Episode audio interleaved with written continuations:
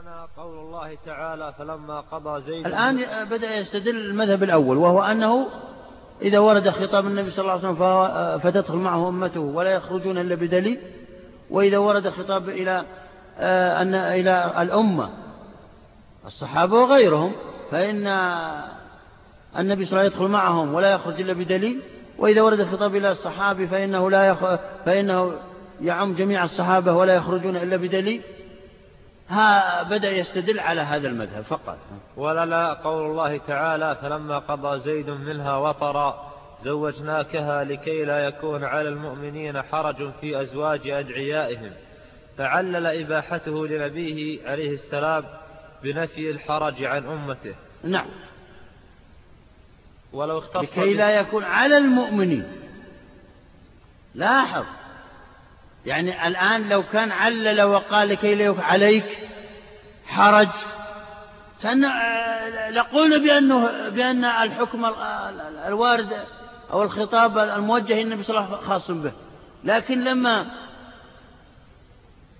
آه، تزوج زيد بن ثابت هذه المرأة ثم طلق ثم تزوجها النبي صلى الله عليه وسلم وكان زيد يعني تبناه النبي صلى الله عليه وسلم قبل تحريم التبني. ف وسمي مدعى بأنه ابن وليس بابن حقيقي. علل لجميع المؤمنين أن أي إنسان يدعي لا يجوز له أن يدعي هذا. ولو كان خاص به لعلل وقال لكي لا يكون عليك أيها النبي حرج لكن على جميع المؤمنين. وهذا يدل على أن الحكم إذا ورد خاص بقصة من ما حصل عن النبي صلى الله عليه وسلم يعم جميع المؤمنين. ولا يخرج المؤمنون أو الأمة إلا بدليل. نعم. ولنا قول الله تعالى فلما قضى زيد منها وطرا زوجناكها لكي لا يكون على المؤمنين حرج في أزواج أدعيائهم فعلل إباحته لنبيه عليه السلام بنفي الحرج عن أمته. ولو اختص به الحكم لما كان علة لذلك. نعم. قلنا هذا. نعم يلا. وأيضا قوله تعالى خالصة لك من دون المؤمنين ولو كان الأمر له مختصا به لما احتيج إلى تخصيصه بلفظ التخصيص. لاحظتوا؟ يعني يقول هنا إن الأصل أنه إذا نزل الحكم على النبي صلى الله عليه وسلم فإنه عام لجميع المؤمنين. هذا الأصل. لذلك إذا أراد أن يخصص النبي صلى الله عليه وسلم بشيء أتى بمخصص.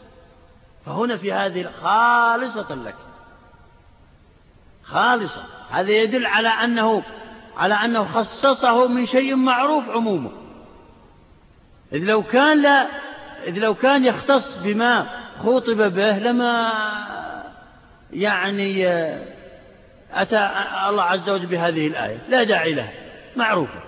لكن لكن بما أن المعروف أن الأحكام عامة له ولغيره مما نزل فيه خاصة له آه، جاء, جاء بهذه الآية لأجل أن يخصص لئلا لئلا ينقدح في الأذهان العموم كما هو العرف. نعم.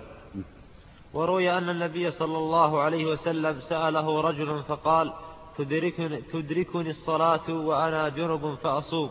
فقال رسول الله صلى الله عليه وسلم وأنا تدركني الصلاة وأنا جنب فأصوم. فقال لست مثلنا يا رسول الله الله قد غفر لك ما تقدم من ذنبك وما تأخر. فقال والله إني لأرجو أن أكون أخشاكم لله وأعلمكم بما أتقي. نعم. هذا يدل على أن النبي صلى الله عليه وسلم الأحكام النازلة فيه تعم جميع الأمة والأحكام النازلة للأمة يدخل فيها النبي صلى الله عليه وسلم. لا فرق بينهم وبينه إلا بأحكام ورد تخصيصه فيها. ورد تخصيصه فيها. نعم يلا شيخ. وروي عنه صلى الله عليه وسلم في القبلة مثل, مثل ذلك رواهما مسلم. فالحجة فيه من وجهين. أحدهما أنه أجابهم بفعله. ولو اختص الحكم به لم يكن جوابا لهم. نعم. لما سأله وقال تدركني الصلاة الفجر وأنا جنب في الصيام مثلا. وهو في الصيام في هذا. آه قال وأنا كذلك. يعني بمعنى أني أعقد الصيام وأنا جنوب ثم أغتسل وأصلي الفجر. فأجاب النبي صلى الله عليه وسلم بحاله. لو كان النبي صلى الله عليه وسلم يختص بما له دونهم أو هم دونه لما أجابهم بذلك. هذا أولا. نعم.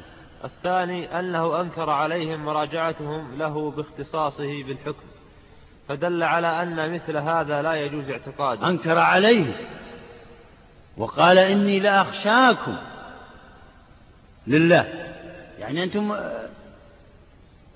أنا مثلكم ولكني أرجو أن أكون أخشاكم. هذا كل ما في الأمر وأتقاكم. نعم يلا شوف ولأن الصحابة رضي الله عنهم كانوا يرجعون إلى أفعال النبي صلى الله عليه وسلم فيما يختلفون فيه من الأحكام كرجوعهم إلى فعله في الغسل من التقاء الختانين من غير إنزال وإيجاب الوضوء من الملامسة وصحة الصوم ممن أصبح جنبا. وعدم ثبوت حكم الإحرام في حق من بعث هدية وأقام في أهله. نعم. هنا هذا الدليل من الإجماع. إجماع الصحابة رضوان الله عليهم. فقد أجمعوا إجماعا سكوتيا على أن أحكام الصحابة هي أحكام للرسول صلى الله عليه وسلم وبالعكس. والدليل على ذلك أن الصحابة رضوان الله عليهم كانوا يرجعون إلى أفعاله وماذا كان يفعل إذا اختلفوا في مسألة. فاختلفوا في مسألة التقاء الختانين بدون إنزال. هل يوجب الغسل أو لا يوجب الغسل؟ فأخبرتهم, النبي فأخبرتهم عائشة رضي الله عنها ماذا كان يفعل النبي صلى الله عليه وسلم. كذلك الحادثة الأخرى ما هي؟ إيجاب الوضوء من الملامسة. كذلك إيجاب الوضوء من الملامسة. سألوا عائشة فأجابتهم بما كان يفعله النبي صلى الله عليه وسلم. كذلك وصحة الصوم من أصبح جنوبا. نعم النبي صلى الله عليه وسلم كان يصبح وهو جنب في الصيام وكان ويصح صيامه. فأخذوا هذا عن فعل النبي صلى الله عليه وسلم. كذلك وعدم ثبوت حكم الإحرام في حق من بعث هدية وأقام في أهله. أي نعم. كان في السلف الصحابة من يبعث هدي إلى الحرم المكي وهو بالمدينة. ولا يحرم مثل المحرمين ويصح هدي. هذا يدل على وكان النبي صلى الله عليه وسلم يفعل ذلك. هذا يدل على أن فعله مثل آه مثل فعله مو بالعكس. نعم يلا شوف حتى عدوا ذلك ناسخا لما قبله ومعارضا لما خالفه من أمره ونهيه. نعم يعني بمعنى عدوا أفعال استدلالهم بأفعال النبي صلى الله عليه وسلم ناسخا لأوامر قد صدرت فيما سبق. فكانوا يحتجون بالفعل الأخير. واحتجاجهم مبني على إخبار زوجاته. له للصحابة. إخبار الزوجات زوجاته يخبرن عن أفعاله في آخر حياته. وكانوا إذا تعارض قول وفعل فإنهم ينظرون إلى آخر فعل له صلى الله عليه وسلم وينسخون به القول والفعل. نعم. ولأن الله تعالى أمر المتقدم يعني. نعم.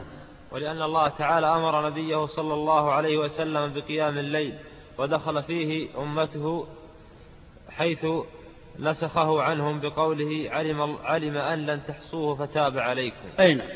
قيام الليل واجب على النبي صلى الله عليه وسلم فقط ولكنه نافلة بالنسبة إيه؟ للصحابة والأمة جميعا فهنا بالأول كان مأمور به ونسخ الوجوب لأنه علم أن فيه مشقة. لأن الله علم أن في ذلك مشقة عليهم. فأبقاه على النبي صلى الله عليه وسلم ونسخ الوجوب عن الأمة. نعم. ولما عاتبه في تحريم ما أحل الله له قال عقيبه قد فرض الله لكم تحلة أيمانكم. نعم. لكم. والمقصود هو النبي صلى الله عليه وسلم. لكنه عبر بهذه بهذه العبارة الدالة على الجمع دليل على أن الأمة تدخل مع النبي صلى الله عليه وسلم في جميع الخطابات إلا ما ورد تخصيصه بدليل. نعم. وابتدأ الخطاب بمناداته وحده ثم تممه بلفظ الجمع. نعم. بقوله يا أيها النبي إذا طلقتم. نعم كذلك. لاحظوا يا أيها خطاب نص له لكنه بعد ذلك عمم الخطاب. هذا يدل على أنه يدخل معهم وهم يدخلون معه في الخطابات. نعم. وهذا يدل على أن حكم خطابه لا يختص به. نعم يمشي. وقد أشار عليه السلام بقوله إنما أسهو لأسن إنما أسهو لأسن نعم. فإذا ثبت أن أمته يشاركونه في حكمه لزم مشاركته لهم في أحكامهم نعم إنما أسهو لأسن يعني بمعنى أني آه، الله عز وجل يجعل يجعلني أسهو في الصلاة أو في كذا لأفعل أفعالا تفعلونها من بعد ليكون سنة عندكم أنتم. لا لأجل أنا. أن الله عز وجل يعصمني عن الخطأ. الأنبياء معصومون عن الخطأ. لكن لأجل أن أن أوجد حلولا لما سيقع في بينكم فيما بعد.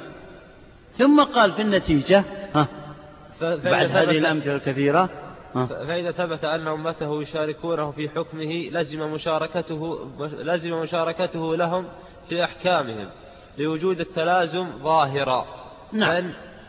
يقول يلزم من مشاركته يلزم من مشاركته لهم أنهم يشاركونه أن أن الأمة يشاركونه أيضا.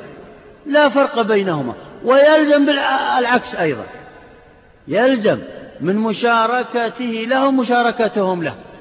لا فرق بينهم إلا بدليل يفرق بينهم. نعم. فإن ما ثبت في أحد اللازمين ثبت في الآخر. نعم يلا فإنه لو ثبت في حقهم حكم انفردوا به دونه. نعم. لثبت نقيض ذلك الحكم في حقه دونهم.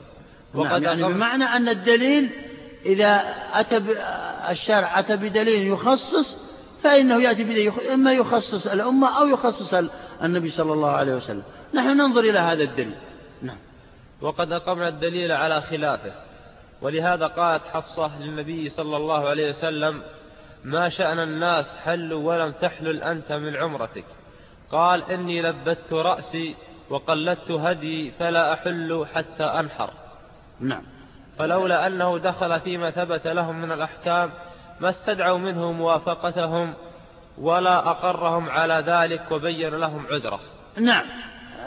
سألته حفصة وقالت ما شأن الناس؟ فعلوا وأنت لم تفعل. هذا يدل على أن أن النبي صلى الله عليه وسلم يدخل معهم عرفا عند جميع الصحابة عند جميع الصحابة عرف. لذلك سألته هذا السؤال. إذ لو كان معلوم أنه لا يدخل لما جد لها أن تسأل هذا السؤال. لذلك بين لماذا ما دخل. لأنه ساق الهدي نعم. والدلالة على أن الحكم إذا ثبت آه الرسول صلى الله عليه وسلم أمر الناس أن يقلبوا حجهم إلى آه التمتع وحلوا بعد أداء العمرة. فقالت له أم المؤمنين لماذا أنت لم تفعل مثلهم؟ يعني كأنه معهود بينهم النبي صلى الله عليه وسلم مثل مثل مثل بقية المسلمين. قال أنا سقت الهدي. لو لم أسق الهدي حتى أنه قال لو استقبلت من أمري ما استدبرت لما سقت الهدي ولا أحللت معه. نعم. والدلالة على أن الحكم إذا ثبت في حق واحد من الصحابة دخل فيه غيره قوله عليه السلام خطابي للواحد خطاب للجماعة. هذا الدليل على المسألة الثالثة أن إذا خاطب الشارع صحابيا من الصحابة فإن جميع الصحابة يدخلون معه الدليل عليه هذا. قولي لواحد كقولي لجماعة لا فرق بينها. نعم. ولأن الصحابة رضي الله عنهم كانت ترجع في أحكامها إلى قضايا النبي صلى الله عليه وسلم في الأعيان كرجوعهم في حد الزاني إلى قصة ماعز وفي دية الجنين إلى حديث حمل ابن مالك. نعم. ابن مالك وفي, وفي المفوضة إلى قصة بروع. دية الجنين فيها عبد أو أمة. وهو إسقاط آه، أن عمر أرسل إلى امرأة ففزعت فأسقطت فأسقطت ما في بطنها ف فسأل هل في ذلك شيء؟ فأخبره حمل بن مالك أن فيها غرة عبد أو أمة. نعم. وفي المفوضة إلى قصة بروع بنت واشق وفي السكنى والنفقة. كذلك المفوضة التي فوضت أمر تقدير مهرها إلى زوجها فمات قبل الدخول. فإن بروع بنت واشق الأشجعية حصل لها هذا فوضت أمر تقدير مهرها إلى زوجها الذي عقد عليه. ثم مات قبل الدخول. فقال النبي صلى الله عليه وسلم لها مهر مثيلاتها وعليه العدة ولها الميراث. فكان الصحابة رضي الله عنهم يأخذون هذا ويستدلون به مع أنه قضية عين مع صحابي معين. نعم. وفي السكن والنفقة إلى حديث فاطمة بنت قيس. نعم كذلك. وفريعة بنت مالك وإلى حديث صفية والأنصارية في سقوط طواف الوداع عن الحائض وغير آه، ذلك. مع أن هذه قضايا عينية مع أسقط طواف الوداع عن الحائض بدون دم بدون يعني آه، كونه واجب عليه لا لا يجب عليه. مع أن قضية عين إلا أن جميع نساء العالم الآن تفعل مثل ما فعلت هذا يدل على أن الخطاب لصحابي هو خطاب لبقية الصحابة وخطاب لبقية الأمة. إلا بدليل. نعم. ولأنه لو اختص به لما احتوج إلى التخصيص بقوله لأبي بردة في التضحية في التضحية بالجذع من المعز يجزيك ولا يجزئ عن أحد بعدك. أي نعم. هانئ بن دينار هذا أبو بردة ما عنده إلا من المعزة أقل من ستة أشهر. فاستأذن النبي صلى الله عليه وسلم فقال هل تجزيني هذا؟ قال تجزيك ولكن لا تجزي أحد أحدا أو أقل من سنة أحدا غيرك. هذا يدل على أن المعروف في الشريعة والعام والمعمول به أن الخطاب لواحد هو خطاب للجميع. إذ لو كان الخطاب لواحد لا يدخل معه المجموعة إلا بدليل ما قال هذه العبارة ولا تجزئ لأحد من بعد. هذا يدل على أنه مخصص في هذا فقط. نعم. دليل آخر أن قول الراوي نهى رسول الله صلى الله عليه وسلم أو أمر أو قضى يعم.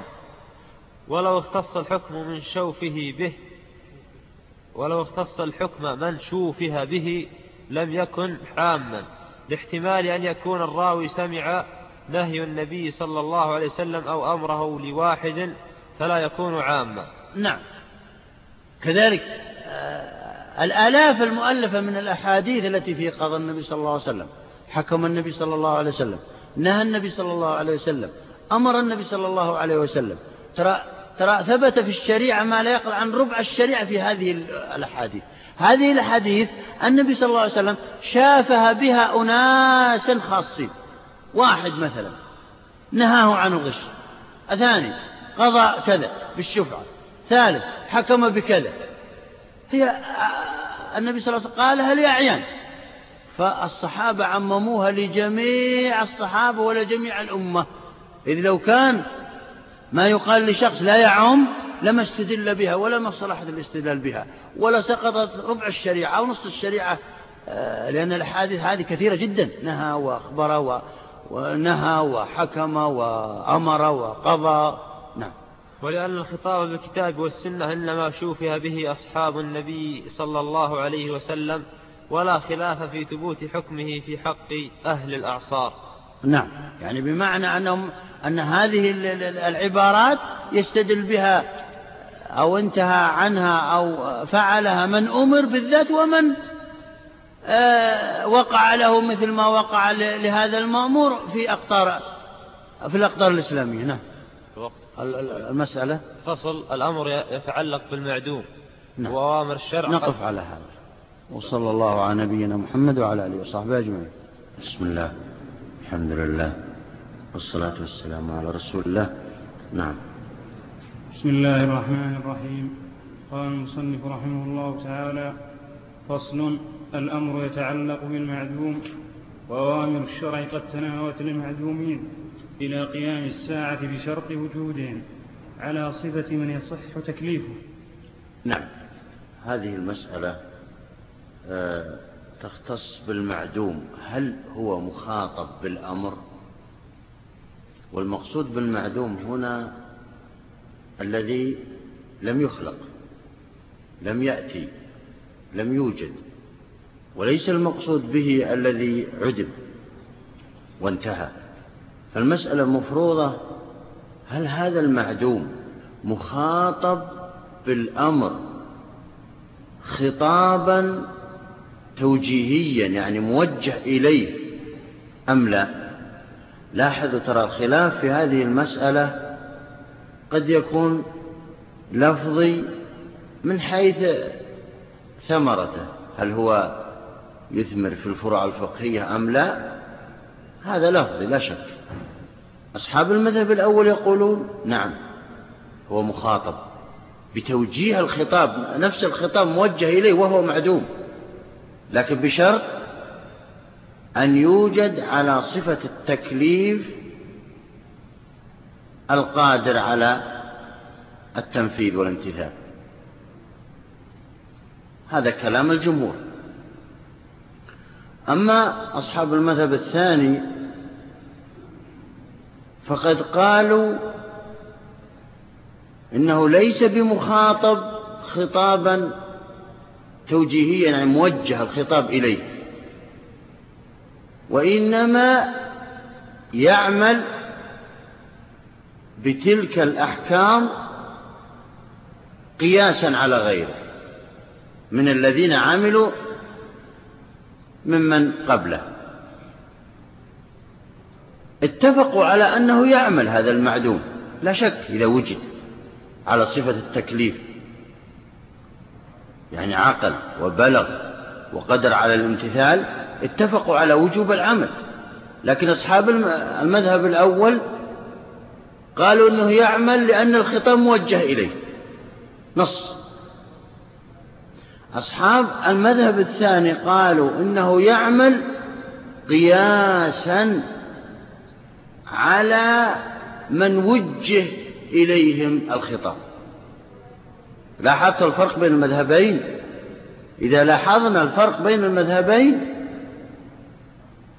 ستسهل الأدلة فيما سيأتي قال خلافا للمعتزلة وجماعة من الحنفية قالوا لا يتعلق الأمر به لأنه يستحيل خطابه خطابه فيستحيل تكليفه. نعم.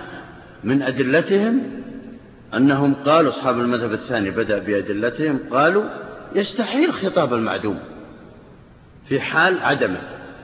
فلذلك لا هذا الخطاب هو خطاب للصحابة الموجودين أثناء نزول القرآن وأثناء وجود النبي صلى الله عليه وسلم.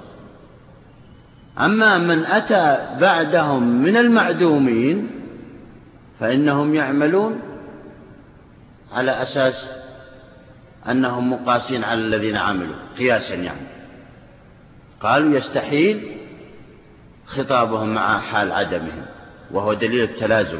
يعني يلزم من عدمهم استحالة خطابهم لأن المعدوم ليس بشيء الآن حتى يخاطب أو لا يخاطب.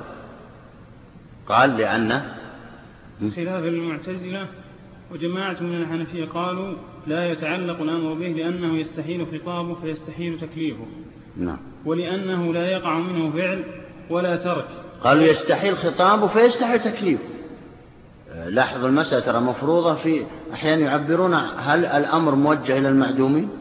وأحيانا يفرض هل المعدوم مكلف؟ وقول, وقول القائلين هل المعدوم مكلف؟ أعم. لأن التكليف يعم الأوامر والنواهي. لكن جعلوها مع مسائل الأوامر هنا لأن مسائل الأوامر والنواهي واحد كما سيأتينا في ما يعني بمعنى أن المسائل هي في الأمر هي منطبقة في النهي كما سيأتينا من إشارة المصنف هذا الدليل الأول. الدليل الثاني قالوا ولأنه لا يقع منه فعل ولا ترك فلم يصح أمره كالعاجز بالصبا والمجنون. نعم. القياس. يقولون كما أن العاجز عن القيام في الصلاة يسقط عنه القيام والم... وكما أن المجنون تسقط عنه التكاليف فكذلك المعدوم تسقط عنه التكاليف نظرا لعدمه. فإذا سقطت التكاليف عن موجودين ولكنهم قد عجزوا عن العمل فمن باب أولى أن تسقط التكاليف عن عن شخص معدوم. هذا كلامه. نعم. ستأتي إن شاء الله الأجوبة عن ذلك. نعم. ولأن المعدوم ليس بشيء فأمره هذيان. وكما أن من شرط القدرة وجود المقدور يجب أن يكون من شرط الأمر وجود المأمور. نعم. يعني بمعنى أن الأمر الدليل الثالث الأمر ليس بشيء. فكيف يوجه الخطاب إلى من هو ليس بشيء؟ هذا لا يفعله العقلاء. السيد هل يخاطب؟ هل لا يخاطب أحد؟ أم يخاطب عبيده؟ الأب يخاطب أولاده أمامه السلطان يخاطب رعيته. لكن إذا لم يوجد شيء لا يخاطب أحدا. حتى لو تكلم لا يسمى كلامه خطابا. هذا الدليل الثالث. الرابع قالوا فيه ها؟ ولنا اتفاق. لا قبل قبل. وكما أن من شرط القدرة وجود المقدور يجب أن يكون من شرط الأمر وجود المأمور. نعم. هذا الدليل الرابع له وهو القياس.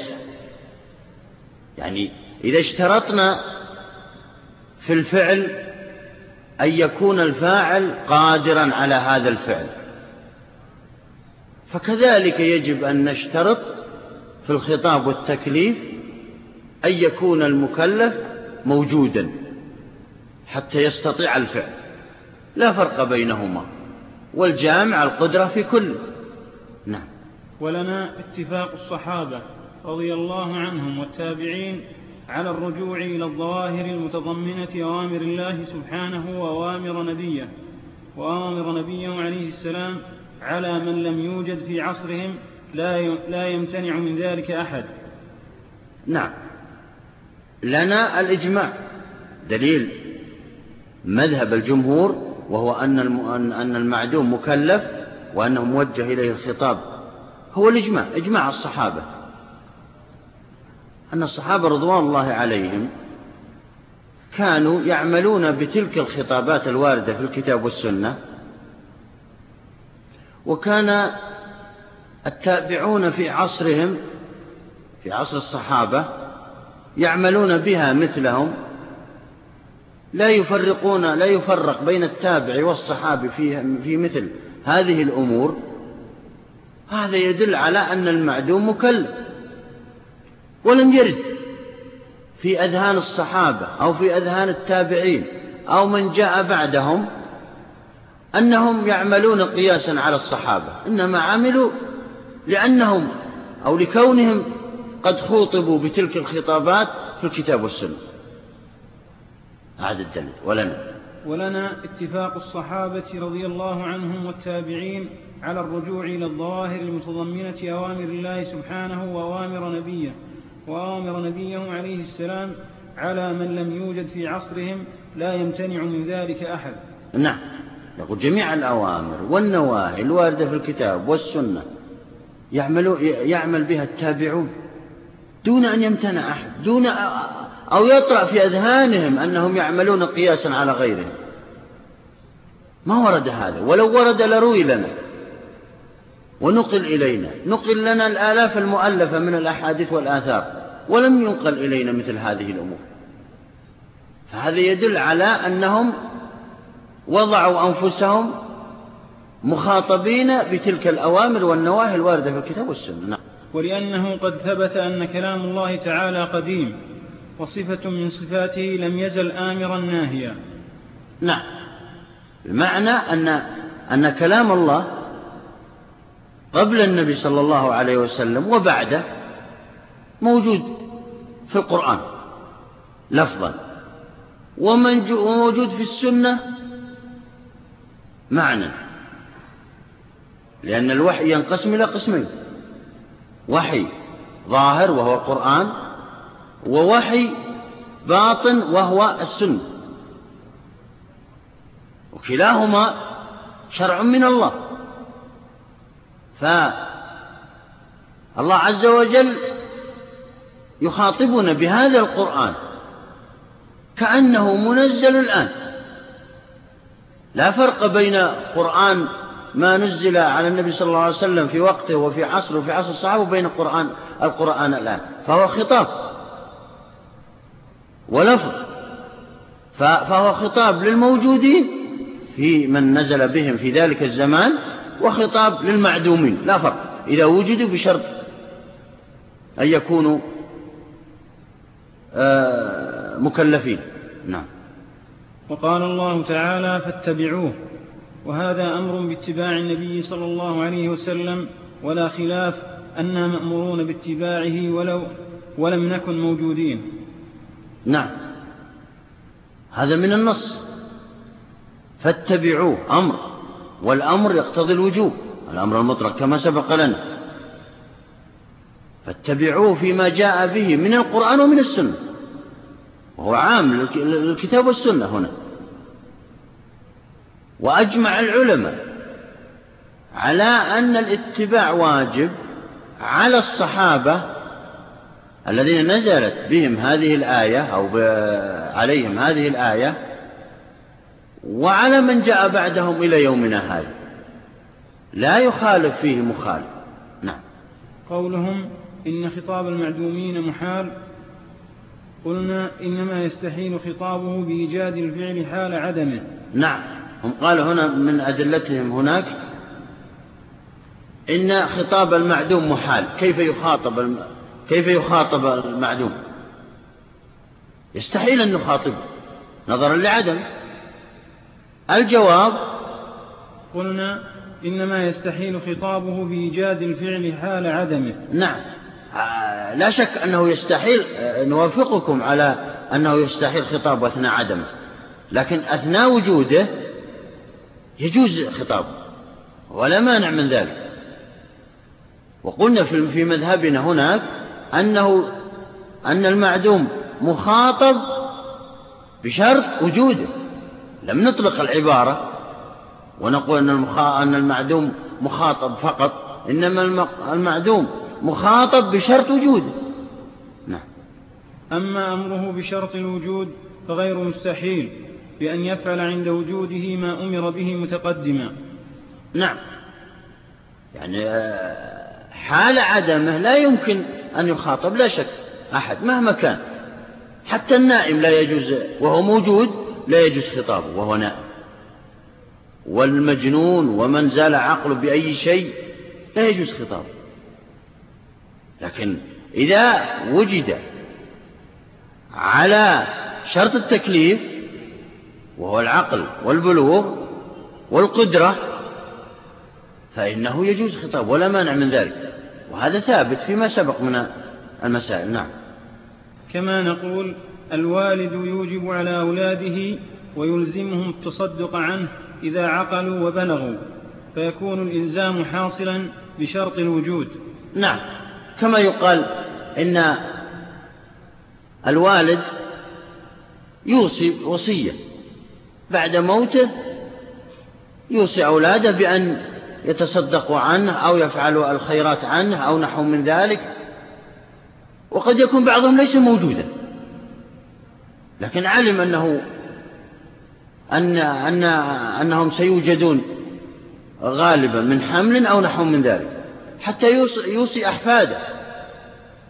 حتى يوصي, يوصي أبناء المسلمين جميعا. وهو يعلم أنهم ليسوا موجودين الآن كلهم. العالم في كتبه أو غير ذلك. يعلم أنهم ليسوا موجودين. ومع ذلك يجوز هذا. على شرط وجودهم وعقلهم لهذا الخطاب. نعم. ولو قال لعبده صم غدا فهو آمر في الحال بصوم الغد لا أنه أمر في الغد. نعم. وهذا من الثابت في اللغة أن السيد إذا قال لعبده صم غدا فهو أمر الآن هو على شرط أن يوجد غدا. قد لا يوجد. لكن السيد يقول كأنه يقول إن وجدت غدا وكنت على رتبة التكليف فصم. وإن لم توجد أو وجدت وأنت لست على رتبة التكليف لم تصل إليها أو طرأ عليك طارئ فلا يجب عليك هذا. فكذلك الشارع لا فرق ترى. نعم. وأما العاجز فإنه يصح أمره بشرط القدرة فهو كمسألتنا بغير فرق. نعم. هو قال هناك قالوا قاسوا على العاجز. عن القيام في الصلاة أو على العاجز عن أي واجب من واجبات الشريعة أنه كما يسقط عنه التكليف فكذلك المعدوم يقول. نقول لهم هذا القياس فاسد لأنه قياس مع الفارق. فالعاجز وجد والمعدوم الذي قستموه عليه معدوم كما هو واضح. ثم على فرض تسليم أن هذا القياس صحيح فإن هذا مثل مسألتنا لا فرق. فنحن اشترطنا في المعدوم في تكليفه أن يوجد على وهو مكلف وكذلك العاجز إذا برأ من هذا العجز واستطاع فإنه يجب عليه أن يفعل. ولو في أثناء ما سقط عنه. فالشخص إذا مثلا حس من نفسه العجز عن القيام وهو ركن من أركان الصلاة فإنه يجوز له أن يصلي جالسا. لكن إذا حس بالنشاط فيجب عليه أن يقوم ولو ببعض الصلاة. نعم. فكذلك هنا لا فرق. نعم. فإن قيل هذا مخالف لقوله عليه السلام رفع القلم عن ثلاثة عن الصبي نعم. وعن المجنون حتى وعن النائم حتى يستيقظ وعن المجنون حتى يفيق. قلنا المراد به رفع المأثم والإيجاب المضر بدليل أنه قرن به النائم. نعم. المعترض يقول إن ما قلتموه من أن المعدوم مكلف وأنه مأمور يخالف النص وهو قوله صلى الله عليه وسلم رفع القلم عن ثلاث. النائم حتى يستيقظ والمجنون حتى يفيق والصبي حتى يبلغ. فهنا يمنع أن نكلف هؤلاء الثلاثة. فإذا منع هؤلاء الثلاثة مع وجودهم فمن باب أولى أن يمنع عن تكليف المعدوم. لأن هؤلاء وجدوا والمعدوم ما, ما وجد حتى يكلف وهذا من باب مفهوم الموافقة الأولى. هذا كلام المعترض.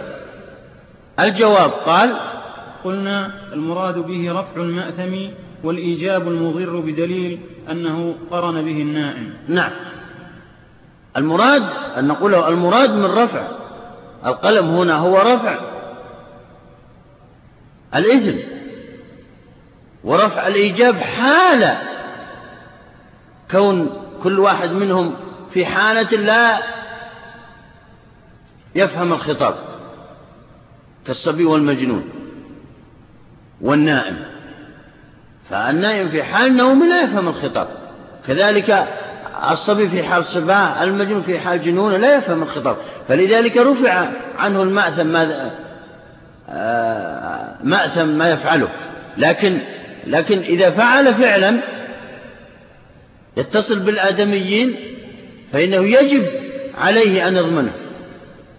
فالصبي إذا أتلف سيارة فإنه يجب على وليه أن يدفع قيمة تلك السيارة والمجنون كذلك والنائم إذا أتلف سيارة وهو يظن أنها سيارته أو نحو من ذلك فإنه يجب عليه إذا قام أن يقال ادفع ما. لكن الإثم هو المرفوع فقط. بخلاف المدرك فإنه يطالب بالإثم والقيمة كلها. نعم. أو فإن عليه الإثم والقيمة. نعم. ولا نسلم أن من ولا نسلم أن من شرط القدرة وجود المقدور فإن الله سبحانه وتعالى قادر قبل أن يوجد قبل أن يوجد مقدورا.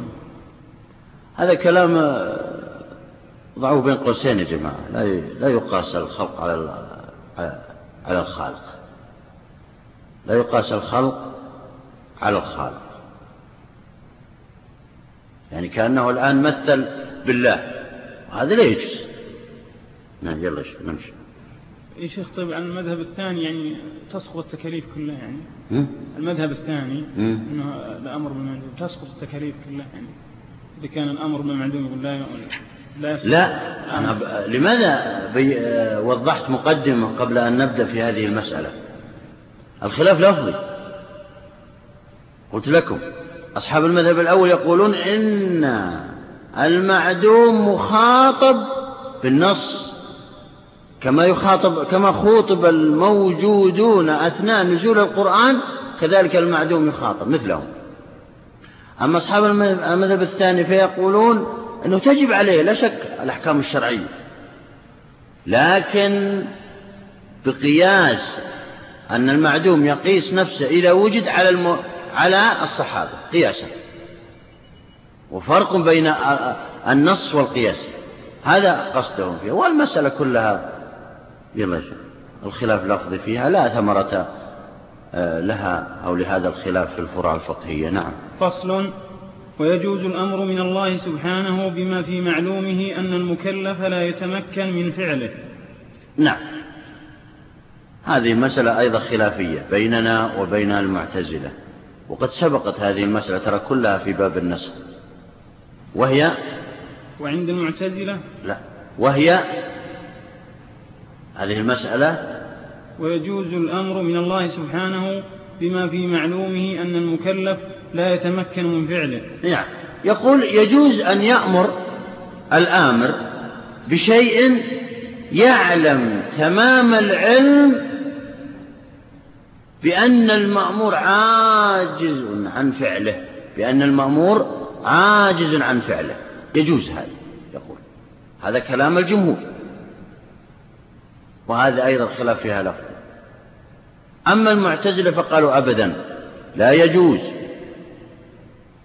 الأمر بشيء يعلم الآمر بأنه لن يقع ويعجز المأمور عن فعله.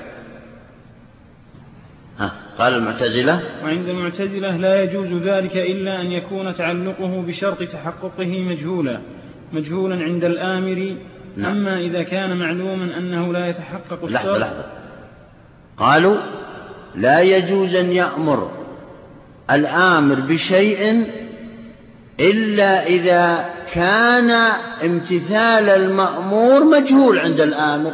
لا يعلم هل المأمور هذا الشخص المكلف هل سيوقعه ويقدر عليه أم لا؟ مجهول. أما إذا تحقق هذا الآمر بأن المأمور به لن يستطيع المأمور أن يفعله فهذا لا يجوز الأمر به. طبعا هذا مبني على قاعدتهم ولكن أتوا بأدلة غريبة هنا. مبني على قاعدتهم وهي أن الله لا يأمر إلا بالأصلح أو يجب على الله الأصلح. هذه قاعدة منه قال المعتزلة لا يجوز ذلك إلا أن يكون تعلقه بشرط تحققه مجهولا مجهولا عند الآمر. أما إذا كان معلوما أنه لا يتحقق الشرط فلا يصح الأمر به. هذا مقصود مذهبه. واضح؟ أصحاب المذهب الأول نعيد. أصحاب المذهب الأول يقولون وهم الجمهور يجوز. يجوز أن يأمر الآمر بشيء يعلم الآمر بأن المأمور لن يستطيع. فعله يعجز عن فعله أصحاب المذهب الثاني وهم المعتزلة قالوا لا يجوز هذا. إلا إذا كان الآمر يجهل أن المأمور سيستطيع أو لا يستطيع ما يعلم. لكن إذا علم أنه لن يستطيع آه، لن يقدر على هذا الفعل لا يجوز الأمر به. نعم. لأن الأمر طلب فكيف يطلب فكيف يطلب الحكيم ما يعلم امتناعه؟ نعم. يقولون إن الله حكيم. ولا يمكن أن يطلب الحكيم شيئا يعلم امتناع وقوعه. هذا دليلهم الأول. نعم. وكيف يقول السيد لعبده خط ثوبي إن صعدت السماء؟ يقولون كما أن السيد لا يجب أن يقول لعبده خط ثوبي مثل ما أتى به من المثال إذا صعدت السماء كما يستحيل مثل هذه الأوامر وهذه الخطابات فكذلك الله سبحانه وتعالى لا يجوز أن يأمر بشيء لا يجوز أن يأمر بشيء آه، يعلم تمام العلم بأنه لن يقع.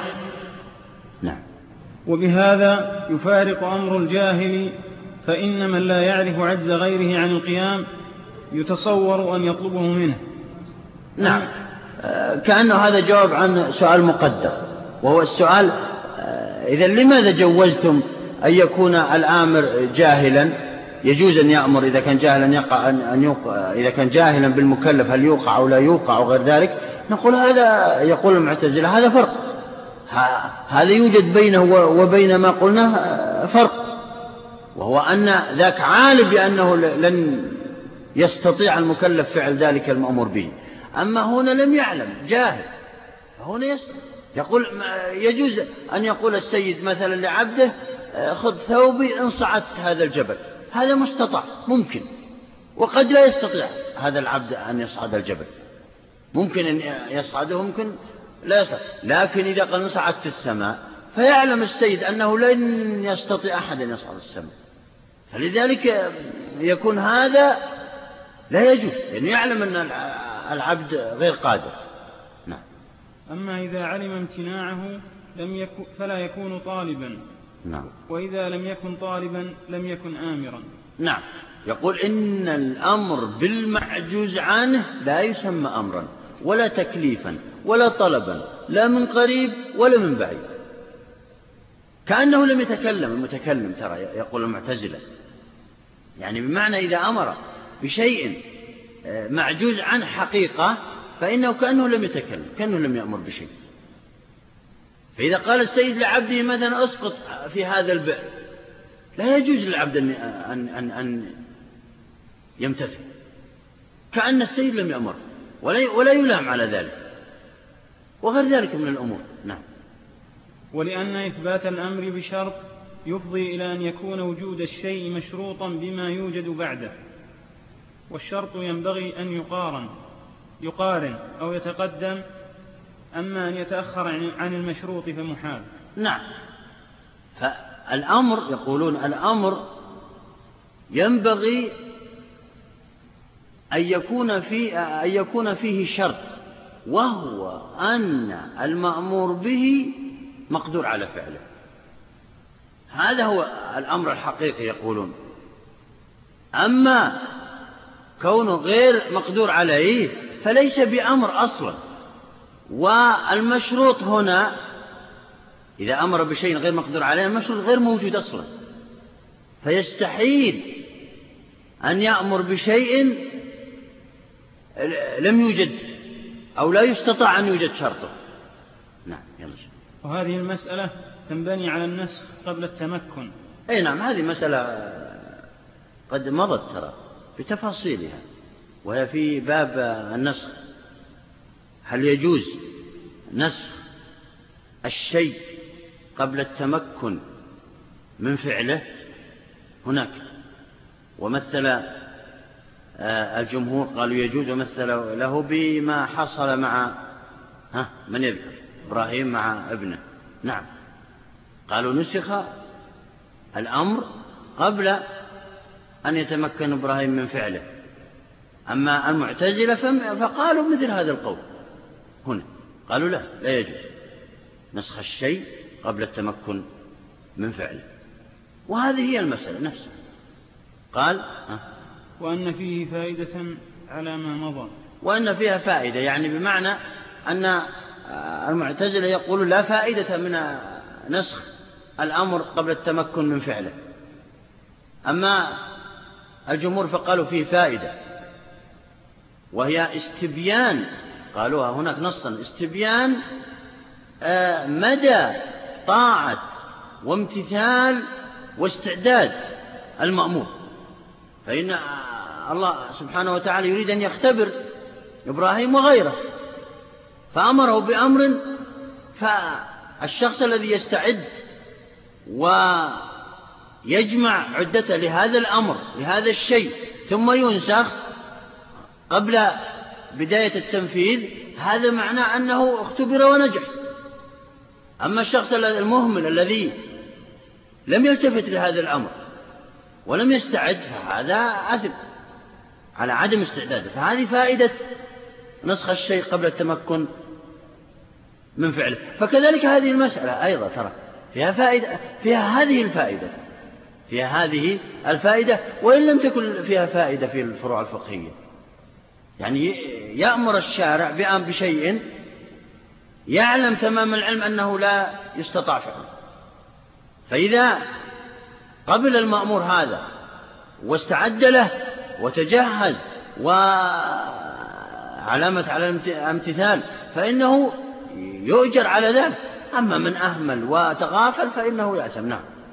ولنا الإجماع على أن الصبي إذا بلغ يجب عليه أن يعلم ويعتقد أنه مأمور بشرائع الإسلام منهي عن الزنا والسرقة ويثاب على العزم على امتثال المأمورات وترك المنهيات ويكون متقربا بذلك وإن لم يحضر وقت عبادة ولا يمكن من زنا ولا سرقة.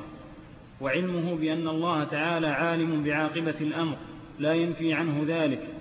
وإن احتمل أن لا يكون مأمورا منهيا لعدم مساعدة التمكن يجب أن يشك في كونه مأمورا منهيا وفي كونه متقربا إذ لا خلاف في أن العزم على امتثال ما ليس بمأمور وترك ما ليس بمنهي ليس بقربة وهذا لا, يتق وهذا لا يتيقن أنه مأمور ولا متقرب وهذا خلاف الإجماع. نعم. مقصود هذا هذا الدليل عند الجمهور أن يقولون أن العلماء أجمعوا على أن الصبي إذا بلغ وعقل فإنه يجب عليه اعتقاد وجوب تلك المأمورات الشرعية واعتقاد تحريم تلك المنهيات الشرعية. لا بد أن يفعلها وإن لم يتمكن من فعلها وإن لم يتمكن من فعلها أو منع منها أو نحو من ذلك لا يعلم ما, ما, ما هو المستقبل له هل يعملها أو لا يعملها لكن يجب أن يعتقد وجوبها ويجب أن يعتقد تحريم المنهية. يجمع العلماء على هذا. وهذا الإجماع يدل على أن الشارع يأمر بشيء قد لا يستطيع المأمور فعله. قد يستطيع فعله وقد لا يستطيع. فلا بد من اعتقاد هذا مع أن هذا الصبي الذي بلغ وعقل قد لا يستطيع فعل أكثرها لكن يجب اعتقادها هذا يقولون يدل بالإشارة هذا الإجماع على جواز أن يأمر الآمر بشيء أو أن يأمر الشارع بشيء يعلم عدم القدرة عليه. نعم.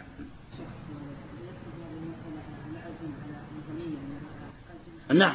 ويدخل فيه هذا دخولا أوليا وهو العزم كما قلنا. من باب أولى ما مثل به المصنف وهو الصبي يعزم ويجزم ويعتقد. أن تلك المأمورة سيفعلها وأن تلك المنهية سيتركها. لا بد من فعل من وإلا ما تم إيمانه ولا تم إسلامه إلا بهذا. مع أنه يعلم تمام العلم أنه قد لا يستطيع أكثرها وقد لا يكون فيه كما قال المصنف هنا تمكن من الزنا الزنا.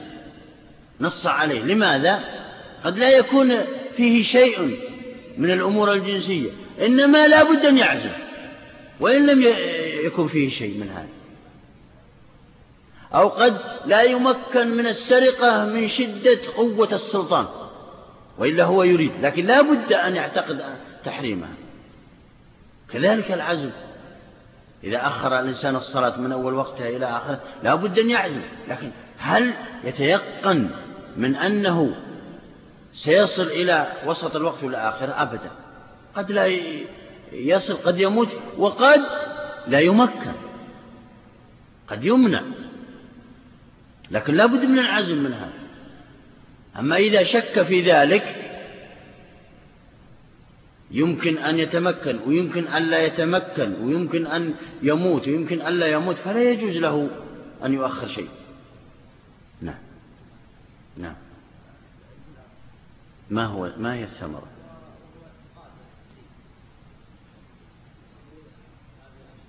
هو هو هذه المسألة من المسائل التي لها ثمرة في أصول الدين عند المعتزلة فقط. لهم قصد في هذا ترى. أما في الفروع الفقهية وهو المصنف له في أصول الفقه. أصول الفقه هو خاص في الفروع. لا ثمرة لها لا من قريب ولا من بعيد ولم يقع من الشارع بعد الاستقراء والتتبع أنه أمر بأمر لا يستطيع الإنسان امتثاله إلا إلا في إيه؟ في مسألة إبراهيم وابنه وقد سبقت في النسخ. نعم يلا شو ها؟ أيوه.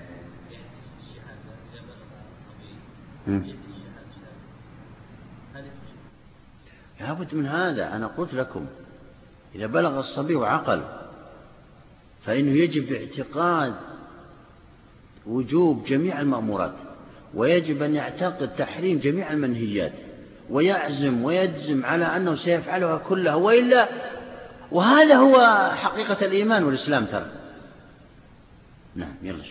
دليل ثان الإجماع على أن صلاة الفرض لا تصح إلا بنية الفرضية ولا تقبل نية الفرضية إلا بعد معرفة الفرضية والعبد ينوي في أول الوقت فرض الظهر وربما مات في أثنائها فيتبين عندهم أنها لم تكن فرضا فليكن شاكا في الفرضية فتمتنع النية لأنها لا تتوجه إلا إلى معلوم. نعم. هنا يقول أجمع العلماء على أن الإنسان يجب أن يعتقد أنه سيفعل فعلا مفروضا أو فعلا مندوبا إذا أراد أن يفعل وإلا لا يصح فعله. يجب أن ينوي هذه النية ويعتقدها إذا أراد أن يصلي الظهر يجب أن ينوي في قلبه أنه سيصلي هذا الفرض وإلا يقول سيصلي أربع ركعات بدون نية أنها فرض هذا لا تصح منه. ولو صلى. لذلك اختلف العلماء في مسألة وهي إذا صلى الإنسان الفرض في بيته ثم وجد ثم خرج من بيته وجد جماعة يصلون هذا الفرض. اختلفوا فقال بعضهم ينوي الأولى نافلة والثانية التي مع الجماعة فريضة. هذا مذهب. المذهب الثاني قالوا إن الأولى هي الفريضة والثانية هي النافلة. المذهب الثالث يقولون إنه يترك هذا إلى الله. يختار ما يشاء من الصحيحة منها والمستجمعة لجميع الشروط. وهذا غير صحيح وهذا غير صحيح. الصحيح هو المذهب الأول. وهو أنه دخل تلك الصلاة وإن كان في بيته على أنها فرض قبل أو قبيل تكبيرة الإحرام نوى أنها فرض إذن هي فرض. وما صلاها في في مع الجماعة أو غير ذلك. أما مسألة أما المذهب الثاني وهو الثالث وهو ترك ذلك إلى الله هذا غير صحيح. و... وقد بسطت المسألة هناك في الفروع. كذلك هنا يقول إنه لا بد من النية أن الفرض أنه سيصلي فرضا مثلا. لا بد أن ينوي. لكن إن مات في أثناء صلاته أو قبيل تكبيرة الإحرام فإنه تم ما فإنه تم له ما نوى. فإنه تم له ما نوى. وهذا يدل بالإشارة إلى أن أن الله يأمر بشيء قد لا يستطيع المكلف أن يفعله لأنه يعلم أنه سيموت أو سيمنع أيضا. نعم يرش فإن قيل فإذا مات في أثنائها كيف يقال إن الأربع كانت فريضة على الميت؟ نعم. هذا اعتراض يقول إن إذا مات في أثنائها في أثناء الصلاة الظهر أربعا. فكيف يعني يقال كانت فرضا عليه؟ وهو ميت. الجواب؟ نعم. قلنا هو قاطع بأنها فرض عليه لكن بشرط البقاء. نعم. هو هي فرض عليه وتم أجرها أيضا إذا نواها وأراد صلاته ولكن منع أو أنه مات تم أجرها. لأنه على نوى أن يصلي على شرط أنه سيبقى. والأمر بشرط أمر في الحال وليس بمعلق من عزم عليه وليس بمعلق من, عزم عليه يثاب ثواب العزم على الواجبات. فإن قول السيد لعبده صم غدا أمر في الحال بصوم الغد لا أنه أمر في الغد. نعم.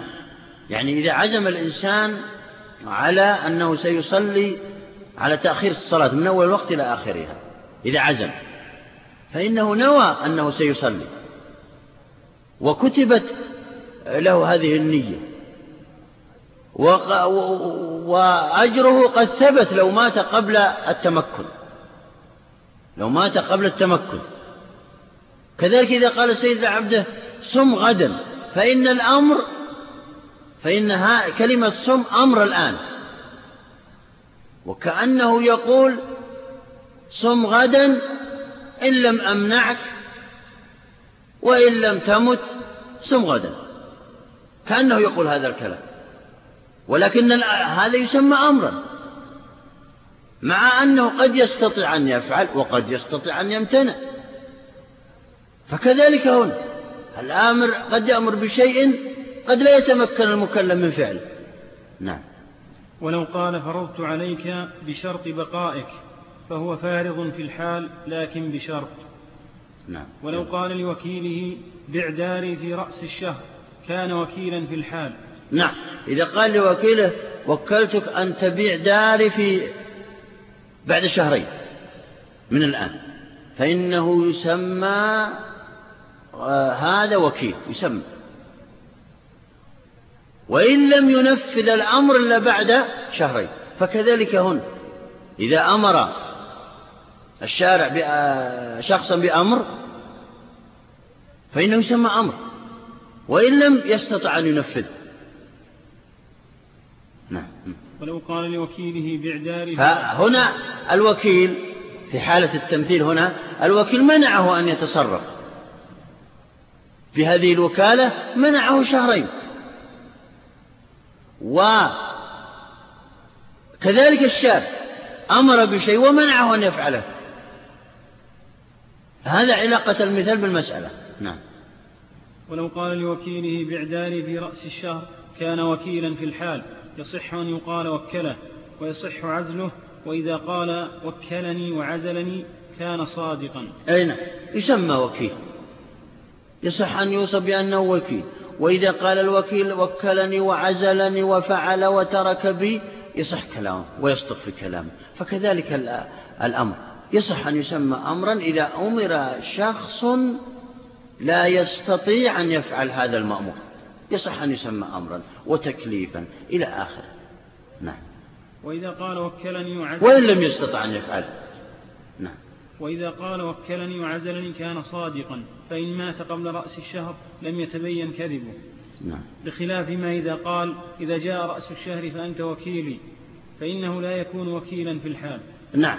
إذا قال هذا الشخص إذا جاء رأس الشهر فأنت وكيلي فهذا لا يسمى وكيلا في الحال وإنما وكيل في رأس الشهر. وهذا خلاف مسألتنا التي نحن فيها. نعم. الثالث الإجماع على لزوم الشروع في صوم رمضان. فإن كان الموت يتبين به عدم الأمر. والموت الثالث.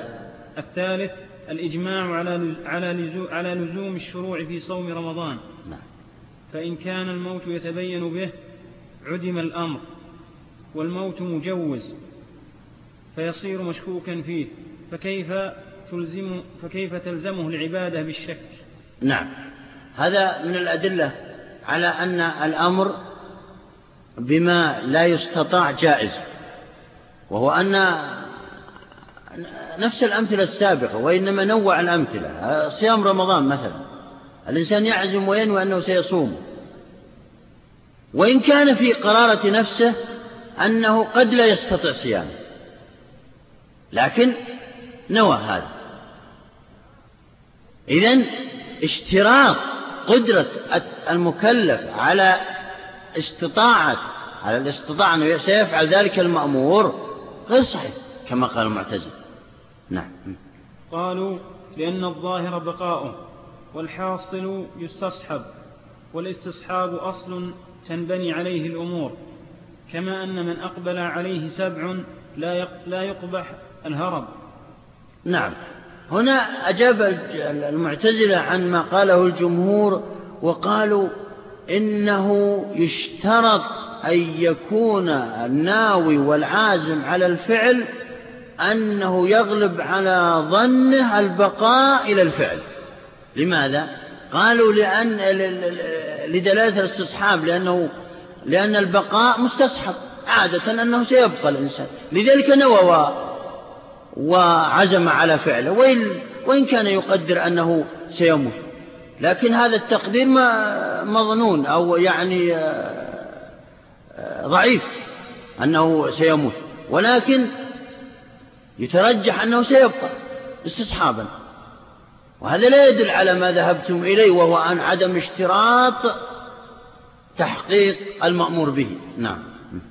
كما أن من أقبل عليه سبع لا يقبح الهرب وإن كان من المحتمل موت السبع دونه. ولو فتح هذا الباب لم يتصور امتثال أمر. قلنا هذا يلزمكم ومذهبكم يفضي إليه. نعم هم, هم يمثلون الآن بمثال عادي. يقولون إن إنه إذا أقبل أسد على إنسان فإنه يغلب على ظن أنه سيهجم عليه وسي وبدأ هذا الإنسان بالحذر وأخذ الحيطة منه. وإن كان يغلب على ظنه أو وإن كان يتصور أنه قد يمنع عنه هذا الأسد قد يموت قبل الوصول إليه. فكذلك يقول النية والقصد. فإنه تجب ويجب العزم على أنه سيبقى وأنه سيفعل وأنه سيتمكن من الفعل آه، استصحابا على أساس أن الغالب هو البقاء. نعم يلا شو. قلنا هذا يلزمكم ومذهبكم يفضي إليه وما أفضى إلى المحال محال. وأما الهرب فحزم وأخذ بالأسوأ من الأحوال ويكفي فيه الاحتمال البعيد والشك فإن من شك في سبع فإن, فإن من شك في سبع في الطريق أو لص حسن منه الاحتراز منه. نعم.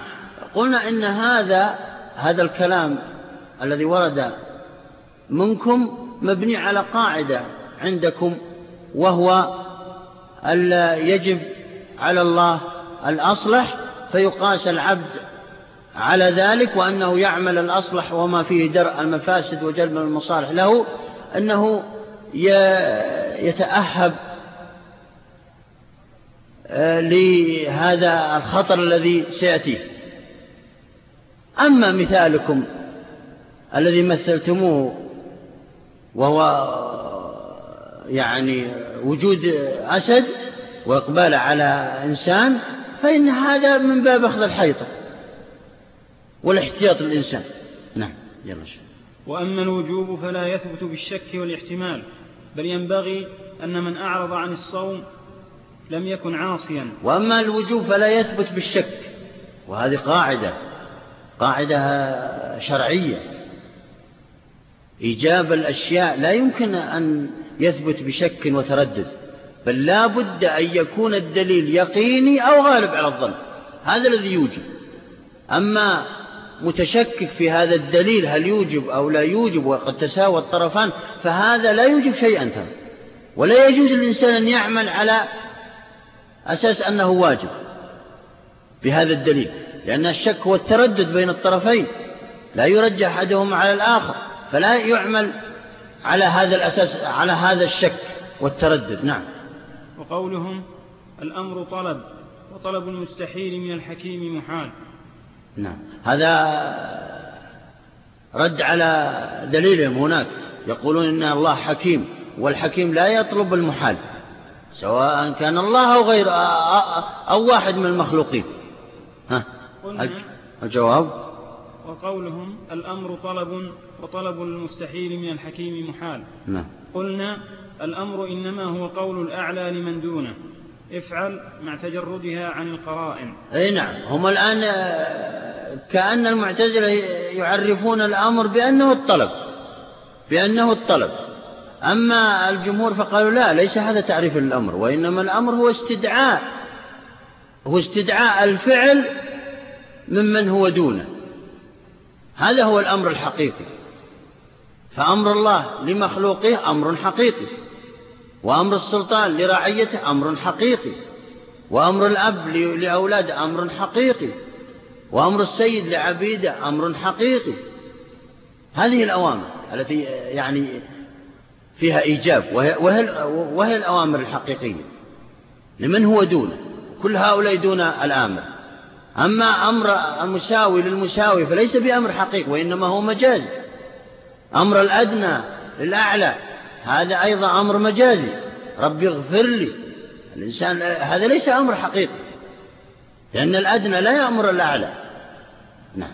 قلنا الأمر إنما هو قول الأعلى لمن دونه. نعم. افعل نعم. مع تجردها عن القرائن. هذا هو الأمر الصحيح وهو الأمر الحقيقي. استدعاء الشيء بلفظ افعل ممن هو دونه. أما تعريفكم الأمر بأنه الطلب والحكيم لا يطلب المحال هذا ليس بتعريف. نعم. وهذا متصور مع علمه بالاستحالة. وعلى, نعم. وعلى أن لو سلمنا أن الأمر طلب فليس الطلب من الله تعالى كالطلب من الآدميين. نعم. أعد العبارة. قلنا يلا. قلنا الأمر إنما هو قول الأعلى لمن دونه. افعل مع تجردها عن القرائن. وهذا متصور مع علمه بالاستحالة. وهذا متصور. يعني بمعنى إذا صدر الأمر من الأعلى إلى إلى الأدنى هذا هو الأمر الحقيقي. وهو متصور من الآمر وإذا أمر الآمر العالي المرتبة من هو دونه بشيء مستحيل متصور هذا. لا مانع منه للاختبار والامتحان. يجوز أن يأمر السيد عبده بشيء لا يستطيع فعله هذا العبد لكن يريد إيش؟ يريد أن يختبره هل, هل يتبين منه علامات الاستعداد أم لا؟ الله سبحانه وتعالى أمر إبراهيم بذبح ابنه. يريد أن يختبره لا يريد إيقاع هذا. وهكذا نعم باقي كثير شيخ. باقي عشر أسطر يلا وعلى أن لو سلمنا أن الأمر طلب فليس الطلب من الله تعالى كالطلب من الآدميين. نعم. وإنما هو استدعاء فعله لمصلحة العبد. نعم. لو سلمنا أن تعريف الأمر هو الطلب على فرض تنزلنا معكم. فإن الطلب من الله الطلب الوارد من الله للعبيد غير الطلب من, من الآدميين فإن الله عز وجل يعني يطلب أشياء لمصلحة العبد ودرء المفسدة عنه للاختبار والامتحان نعم يلش. وهذا يحصل مع الاستحالة لكي يكون توطئة للنفس على عزم الامتثال نعم. أو الترك وهذا, وهذا ممكن أن يقع مع الاستحالة مع استحالة كون المكلف لا يستطيع إيقاع المكلف به. لغرض وهو بيان استعداد هذا المأمور وإعطائه الأجر لأجل ذلك. نعم. لكي يكون توطئة للنفس على عزم الامتثال أو الترك لطفا به في الاستعداد والانحراف عن الفساد وهذا متصور. نعم. وهذا متصور. كما بينا أن الغرض والحكمة من الأمر بشيء لا يستطيع المكلف فعله هو الامتحان والاختبار وجلب المصالح ودرء المفاسد وتلطف من الله بإكثار الأجر على هذا المأمور وإن لم يستطع فعله. نعم. وتصور ويتصور من السيد أيضا أن يستصلح عبده بأوامر ينجزها عليه مع عزمه على نسخ الأمر قبل, قبل الامتثال. نعم.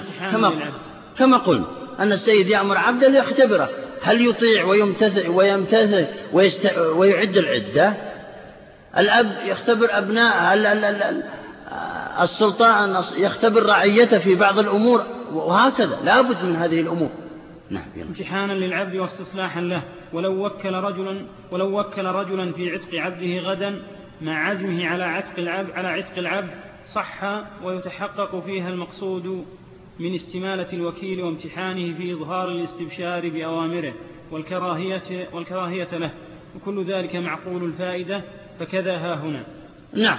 يقول لو وكل رجل رجلا لو وك... السيد وكل رجلا أن يعتق عبده عنه مع أن هذا السيد يستطيع أن يعتقه هو بنفسه لكن وكله لي... لي... ليختبره هل يطيع ويمتثل ويظهر هذه الأمور ويسعد بذلك أم لا ليختبر الرجال الذين حوله لجاز ولما منع ذلك. نعم يلا. مع أنه سيمنعه غدا أن يفعل ذلك. هو سيعتق بنفسه. نعم. وقولهم يفضي إلى تقدم المشروط على الشرط. قلنا ليس هذا شرطا لذات الأمر بل الأمر موجود. وجد المشروط أم لم وجد المشروط أم لم يوجد. وإنما هو شرط لوجوب التنفيذ فلا يفضي إلى ما ذكروه. الله أعلم. أي نعم. هو يقول آه، يجيب عن مقالة المعتزلة هناك أنه إذا اشترط إيجاده هذا شرط مقدم مشروط مقدم على الشرط وهذا غير صحيح. يقال لهم إنه أمر بدون شرط أصلا لكن يلزم منه من خلال آه، العموم في النصوص يلزم منه أنه سيوجد أن, أن هذا الأمر موجه إلى المعدوم على شرط إيجاده. عاقلا بالغا. قادرا. وصلى الله على نبينا محمد وعلى آله وصحبه أجمعين. بسم الله والحمد لله. والصلاة والسلام على رسول الله. قبل أن نبدأ يا جماعة أنا أحب أن أشير إلى أن لكل شيء ثمن ترى. لكل شيء ثمن. لا يطمع الإنسان بأن يجمع العلم ويفيد فيما بعد ويتنزه ويت يعني يتمتع بهذه الحياة. هذا مستحيل هذا. فانتبهوا لهذا الأمر. يعني الإنسان لو دقق الآن في بقراءة علماء السلف من صحابة ومن تابعين إلى يومنا هذا العلماء المحققين لو دقق في قراءة تراجمهم لوجدهم أتعس الناس في الحياة. بعضهم لم يتزوج وبعضهم تزوج الموفق وبعضهم يعني حالته سيئة مع بيته. لأن النساء والصبيان يريدون إضاعة الوقت. مهما فعلت معهم يريدون إضاعة الوقت عليك. ولا يريدون تخطط لنفسك وأن يكون لك يعني علم ينتفع به فيما بعد. أبدا ما لهم دخل في هذا. يقولون نحن نعيش يومنا هذا. هذا من يعني أمورك التي تخصك. فانتبهوا لهذا الأمر. يعني لا يقول شخص أنا والله كذا يعني تعطلت أو نحو من ذلك أو بقطع الدروس أو غير ذلك لأجل أغراض كذا أو مراعاة عوائل أو مراعاة أسر أو مراعاة صلة رحم. العلم يقدم على صلة الرحم مهما كانت. لذلك يقول الماوردي لما قدمت بغداد نصا ماوردي معلوف عالم جليل من علماء الأمة. قطعت علاقتي مع أبي وأمي فيما ورد في أفغانستان الظاهرة وما أدري كذا أكثر من عشرين سنة. لا أعلم عن أخبارهم شيء. لأنهم نصحوني علماء الذين مشايخي الذين آه، يعني آه، تتلمذت عليهم بهذا. قالوا إما أن تفعل كذا وإما تفعل كذا. أما أنك تسافر لأهلك كل ما بين شهرين أو سنة فهذه مشكلة هذه. ينقطع العلم السابق. فلذلك بلغ ما بلغ. لأن الأمور مشغلة ترى. فانتبهوا لهذا الأمر. لكل شيء ثمن ترى. وأنتم قصص ابن تيمية وابن القيم وكذلك قصص علماء السلف كلهم. ليست بعيدة عنكم. أبدا. من سجن وذلة واحتقار من قبل السلاطين والخلفاء حتى الزملاء الذين يشربون إلى مراكز الدولة. يحتقرون طلاب العلم ترى. يحتقرون المخلصين من طلاب العلم. ولا هم يزعمون أنهم طلاب علم. كل يزعم ترى هذا الزعم. فأنتبهوا لهذا الأمر يعني. ولا بد من الصبر. لا بد من الصبر مهما كان. لا بد من الصبر على طلب العلم الحقيقي. أما طلب العلم يعني مثلا آه، حلقة الفقه حلقة العقيدة حلقة التفسير يحفظون ما قاله السلف فتجدونهم الآن بالمئات. لا شك لأنهم يحفظون ما قيل فقط. أما يجتهدون مستحيل هذا. وهذا الذي يريد أعداء الإسلام ترى. الكفار يفرحون بهذه الحلقات الكثيرة لأجل يحفظون ما قاله السلف. أما أنهم يتعلمون القواعد التي فيها استنباط أحكام شرعية لحوادث متجددة هذا الذي يغيظهم ويتعبهم لأنهم يريدون أن يثبتوا أن الإسلام قاصر عن حل القضايا المتجددة. يريدون أن يثبتوا هذا. فأصول الفقه مهمل إهمال كما ترون نظرا فيه بعض الصعوبة لكن ليس صعب إلى درجة أنهم ينفرون عنها الآن حتى مشائخ بعض الحلقات ينفرون عنه يعتبرون مقدمات وهذا غير صحيح. ما ثبتت أدلة العقيدة ولا القرآن ولا السنة ولا يمكن استنبط حكما من آية إلا بأصول الفقه. لو دققتم النظر. مستحيل هذا. لكن هم يحفظون ما قاله السلف ويقولون وهذا طبعا لهم أجرهم إن شاء الله. ولكن ليس مثل من عد نفسه لاستنباط الأحكام الشرعية لحوادث متجددة. ليس هذا أبدا لا هذا لا يقارن بهذا مستحيل. فخذوا هذه عني. لأن المسألة مهمة جدا. يظنون أن أصول الفقه مجرد مقدمات أو مصطلحات تحفظ وينتهى. هذا غير صحيح. جميع الأدلة المثبتة للعقيدة ولجميع كذا راضخة لأصول الفقه الذي لا يعرف ضعف الأدلة من قوتها لا يمكن يثبت أي شيء من الأحكام الشرعية عقيدة أو فروعا أو غير ذلك. انتبهوا لهذا الأمر مشايخ. ولا أظن أن قلة طلاب آه، أصول الفقه أتى هكذا جزافا. أبدا. حلقات حتى حلقات الشيخ ابن غديان ثلاثة أربعة خمسة. حتى حلقة ما أظنها إلا بتخطيط من أحد يريد أن ينفر عنه. ولا يخاف الشيطان ولا الكفرة ولا الفسقة إلا من تعلم أصول لأنه هو الذي يرد على أعداء الإسلام هو الذي يوجد أحكاما شرعية للحوادث المتجددة. وهم لا يريدون هذا. يريدون أن يحكموا القوانين. لا شك. نعم. نبدأ في موضوعنا. بسم الله والصلاة والسلام على رسول الله.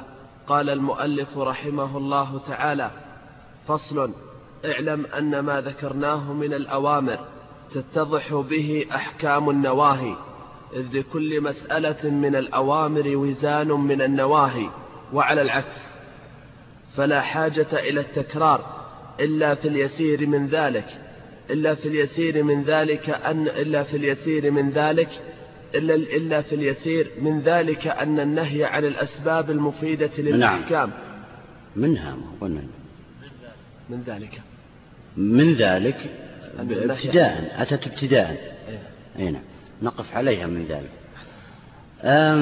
ومن تبعيضية يعني على أساس إيش؟ من ما سبق ذكره. المهم أنه الآن دخل في باب النهي. فرغ من باب الأوامر ودخل في باب النهي. لكنه هنا لكن المصنف هنا يشير إلى أن أي مسألة ذكرت هناك في باب الأمر هي نفسها في باب النهي إلا أنه آه، يقلب الوضع. هذا كل ما في الأمر. ما ذكر ترى في باب النهي إلا مسألة واحدة ستأتينا. هي التي لم تذكر هناك. المهم عندنا الأمر عرف بماذا؟ بأنه استدعاء الفعل بالقول على جهة الاستعلاء. هذا إيش؟ هذا الأمر. النهي ما هو إذن هو استدعاء الترك استدعاء الترك بالقول على جهة الاستعلاء يعني عكسه استدعاء الترك بالقول بمعنى الإشارة والإيماء وغير ذلك من ما يفيد أنه نهى كذا هذا لا يفيد النهي حقيقة إنما لا بد من القول. إلى آخر ما بيناه هناك في باب الأمر هل له صيغة؟ ذكر هناك في مسألة. نعم له صيغة هناك في الأمر افعل أو ليفعل هنا كذلك. له صيغة لا تفعل لا تفعل أو لألا يفعل أو, أو غير ذلك من الصيغة التي تفيد النهي. أه، طبعا اختلف هناك. قال بعضهم بأنه لا صيغة للأمر قد وضعت له. كذلك هنا لا صيغة للنهي قد وضعت له. هناك استدلوا بقولهم إن كلمة لا ت... أه، بكلمة افعل مشتركة بين إيش؟ بين الدعاء والتمني والالتماس وغير ذلك مما والندب والوجوب وغير ذلك. قالوا هذه اللفظة مشتركة آه، بين أنها للأمر الحقيقة أو للأمر المجازي. فلذلك لا صيغة له إلا بقرينة آه، خارجية ترجح. كذلك هنا قالوا لا تفعل. تأتي للتمني تأتي للدعاء. مثلا يقول آه، شخص لزميل الالتماس مثلا لا تهينني. هذا نهي. لكنه إيه؟ آه التماس وهو مجاز. لا ت... يقول الله عز وجل لا تقدر علي المرض. هذا نهي. ومتضمن للنفي. ولكن, ولكن هذا إيش؟ ليس ليس نهيا حقيقيا. إنما نهي للدعاء وهكذا. آه هناك رجح العلماء أن النهي المطلق يقتضي التحريم. يقتضي ال... هناك قالوا إن الأمر المطلق يقتضي الوجوب. رجح العلماء واختلف العلماء في تلك الصيغة على أربعة أقوال هناك أو ثلاثة أقوال. هنا كذلك. إن النهي المطلق يقتضي التحريم. أي نهي مطلق؟ لم يوجد فيه قرار هناك قالوا إن النهي إن الأمر هل يقتضي التكرار أو المرة الواحدة؟ كذلك هنا هل النهي يقتضي التكرار أو المرة الواحدة؟ نفس الخلاف هنا لا فرق ترى ونفس الأدلة. هل يقتضي هناك الأمر المطلق الفور أو التراخي؟ كذلك هنا هل يقتضي الفور أو التراخي؟ هل تشترط إرادة امتثال الأمر المأمور به أم لا تشترط؟ المعتزلة يشترطونه في الآمر. قالوا لا بد من آه، أن يريد الامتثال هذا الآمر. كذلك هنا هل تشترط الإرادة عند الناهي؟ إرادة آه، ترك المنهي عنه أم لا؟ كذلك آه، هنا هناك أن الأمر قالوا هناك أن الأمر الموجه إلى النبي صلى الله عليه وسلم هو أمر لجميع الأمة وأن الأمر الموجه إلى الأمة هو موجه إلى النبي صلى الله عليه وسلم وأن الأمر الموجه إلى صحابي واحد موجه إلى جميع الأمة إلى جميع الصحابة. ثلاث مسائل تذكرونها. كذلك هنا بالضبط. أن النهي الموجه إلى النبي صلى الله عليه وسلم نهي لجميع الأمة. أن النهي الموجه للأمة موجه إلى النبي صلى الله عليه وسلم. أن النهي الموجه إلى صحابي واحد موجه إلى جميع وهكذا. كذلك مسألة هل هل المعدوم مأمور؟ نعم كذلك هنا. هل المعدوم منهي؟ وهكذا. لذلك المصنف ماذا قال؟ هنا. اقرأ العبارة اعلم. اعلم أن ما ذكرناه من الأوامر تتضح به أحكام النواهي إذ لكل مسألة من الأوامر وزان من النواهي. وزان. يعني ما يقابلها من النواهي. فقد غير العبارة. فقد غير العبارة يعني. يعني بدل بدل افعل قل لا تفعل. وهكذا. جميع المسائل السابقة. لا يستثنى أي مسألة. نعم. إذ لكل مسألة من الأوامر وزان من, من النواهي وعلى العكس. فلا حاجة إلا إلى التكرار إلا في اليسير. من ذلك أن إلا في اليسير يعني. ما كرر شيء إنما أتى بمسألة جديدة في النوايا تخص تخص النوايا ولا ولم يورد غيرها. نعم. وهي مسألة هل النهي يقتضي فساد المنهي عنه أم لا؟ هذه هي المسألة ذكرها. وهو طبعا بهذا مقلد تماما للغزالي وما ذكره في المستصفى لأن الروضة مختصر للمستصفى كما كررت كثيرا. آه، طبعا النهي يقتضي التحريم. طبعا اختلف في ذلك أيضا. هل يقتضي التحريم؟ هذا كلام كثير من آه، جمهور العلم. بعضهم يقول يقتضي الكراهة ولا يقتضي التحريم. لا نحمله على التحريم إلا بقرين بعضهم التوقف وهم الأشاعر كما قلت هناك الأوامر هناك.